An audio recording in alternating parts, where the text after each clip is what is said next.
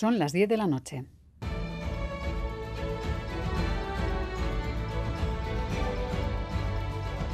Radio Euskadi y Radio Vitoria. Servicios informativos.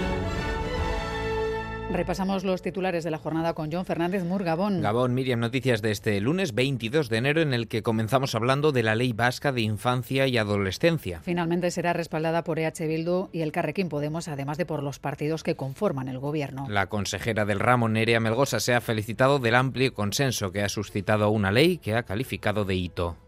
Las personas menores, niños, niñas y adolescentes pasan a ser titulares de derechos y no solo sujetos de protección.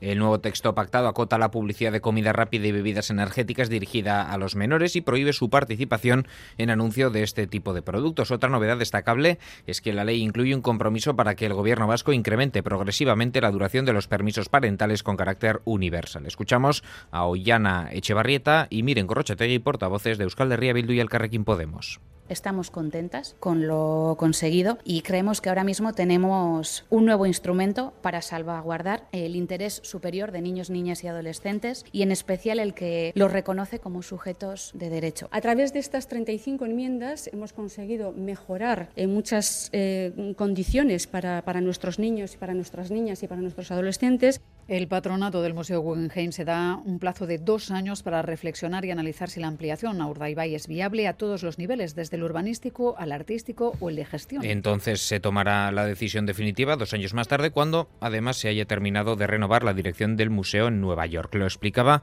el Lenda Cariño Gurgullo.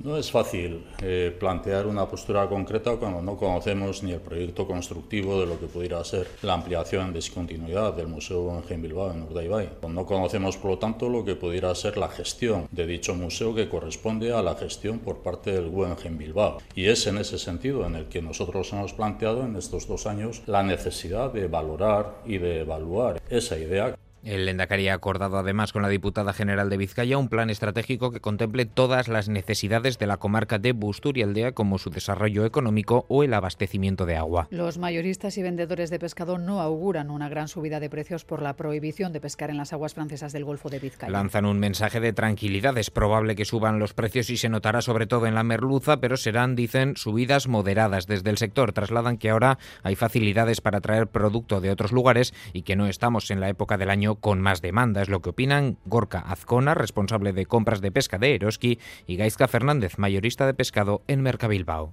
Evidentemente tendrá impacto en el precio porque hay menos producto para comprar, pero es verdad que también dentro del mundo del pescado estamos acostumbrados a que cuando no hay de un sitio, pues traer de otro con lo cual eh, yo creo que el impacto en el precio será moderado. Yo creo que va a ser un incremento moderado porque es un mes moderado. Si esto pasa en agosto, con la brutal demanda que hay, pues se pondría el pescado a millón. Pero teniendo en cuenta que es un mes moderado, el incremento entiendo yo que será moderado.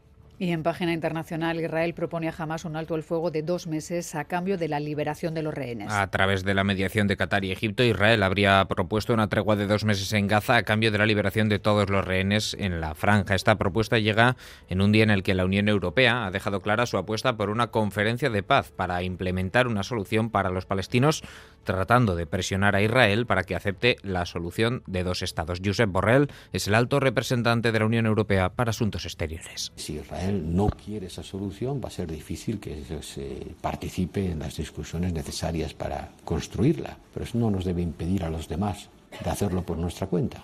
Y si la comunidad internacional llega a construir una solución, tendrá que proponerla.